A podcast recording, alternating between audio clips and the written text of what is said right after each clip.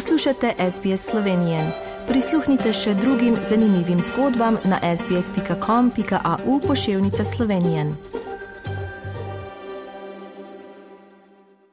Lepo pozdravljeni, spoštovani rojaki, cenjene rojakinje.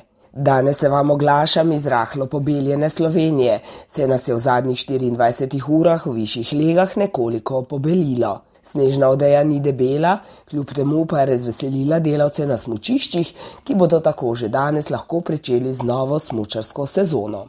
Ob vsem tem pa nas že razveseljuje tudi praznično vzdušje, vstopili smo namreč v adventni čas. Da pa ne bi bilo vse preveč čarobno, skrbijo naši politiki, ki tečejo zadnji krok letošnjega supervolivnega leta. Pa pojdimo k podrobnostim. Preteklo nedeljo je v Sloveniji potekal referendum za tri pomembna vprašanja: zakon o vladi, ureditev javnega radiotelevizijskega servisa in problemu dolgotrajne oskrbe.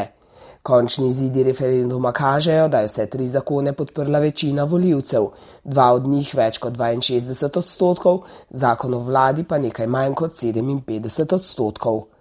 Premijer Robert Golop je izid označil kot zmago svobodne države, hkrati pa poudaril, da izidi kažejo, da so ljudje ponovno izbrali njihovo politiko in izrekli nezaupnico pobudnikom referenduma, torej opoziciji na čelu z največjo stranko SDS. Na desnici so se zato v steden vrstila ugibanja, kako naprej in pomisleki, da bo gotovo potrebna samo refleksija. Nekdanja predsednica NSI Ljudmila Novak je prvako SDS-a Janez Ujanši celo sporočila, da mu bodo ljudje hvaležni, če odide. V tem tednu smo bili zaradi izida referendumskih odločitev priča tudi odločitvi sveta Levice, ki je potrdil, da je kandidat za ministra za solidarno prihodnost Simon Maljevac. Maljevca mora potrditi še vlada, na to ga čaka zagovor pred matičnim odborom. Ministrstvo za solidarno prihodnost bo pokrivalo področja dolgotrajne oskrbe, stanovanske politike in ekonomske demokracije. Maljevec je sicer ustanovni član inštituta 8. marec, ki se izjemno angažira v vseh akcijah, predvsem zoper prejšnjo vlado, hkrati pa je tudi eden od vidnejših članov gejevske skupnosti. Smo pa dobili tudi novega, starega direktorja policije. To je Boštjan Lindau, imenovanje pa je sprožilo precej nemira znotraj koalicijskih vrst, se je premijeju Golobu, ki je prav te dni gostil mađarskega predsednika Viktorja Orbana, izbira ni povšeči. Ministrica za notranje zadeve Tatjana Bobnar ustraja pri stališču, da se politika ne sme vmešavati v delo policije. To nedeljo se bo sicer odvijal tudi drugi krok lokalnih volitev. Povsod tam, kjer županov nismo dobili po prvem krogu volitev, bomo torej končno dobili nove župane. Med najbolj zanimivimi bodo gotovo rezultati v mestih, kot so Maribor, Murska sobota, Piran in Nova Gorica. Slovence pa še vedno znemirjajo tudi vse više cene električne energije, ki se bodo po novem letu ponovno zvišale. Kako pomagati predvsem podjetjem, ki bodo morala preživeti zimo brez večjih posledic, kot so odpuščanja in zapiranja posameznih podjetij? Kako bo država pomagala, bo znano v ponedeljek, ko bo o tem razpravljala tudi vlada.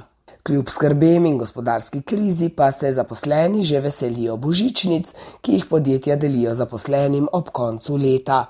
Gre za motivacijo zaposlenim, najviše pa bodo nagrade za zaposlene v farmaciji. Visoke bodo tudi božičnice v nekaterih drugih podjetjih, nekatera podjetja pa se, ob še nezaključenih poslovnih rezultatih, o višini nagrad še odločajo. Najviše bodo znašale okoli 2000 evrov bruto. Predbožični čas pa seveda prinaša še mnogo drugih prijetnih trenutkov. Po vseh večjih mestih so te dni zagorele praznične lučke. Mestna jedra so polna stojnic, ki ponujajo praznične dobrote in drobna darilca. Pogreti se je mogoče ob zakuhanem vinu in drugih toplih napitkih. Glavnina predprazničnega dogajanja se bo seveda šele pričela, tudi številnimi nastopajočimi, ki bodo z božičnimi pesmimi greli naša srca. Ob začetku meteorološke zime pa bo gotovo precej oči uprtih tudi v naše bele poljane, ki bodo prizorišča letošnjih smučarskih, smučarsko-skakalnih in tekaških ter biatlonskih tekem. Vesela novica je gotovo ta, da se na snežne strmine ponovno vrača Ilka Štuhec, ki je natanko pred šestimi leti začela zmagovalno pot v smukaški disciplini. V upanju, da se je zmagovalni pohod povrne, bomo navijali za njo in za vse druge naše. Preden se poslovimo, pa še podatek, da se je v tem času povečalo število obolelih za gripo in drugimi prehladnimi obolenji. V tem obdobju zato pristojne službe pozivajo najranljivejše skupine, da se cepijo. Zaradi strogih omejitev v preteklih dveh letih gripe skoraj da nismo zaznali, vrh pa naj bi bolezen dosegla v januarju. Kljub nekoliko prehlajenemu tudi mojemu glasu se hujši bolezni uspešno zoprstavljam.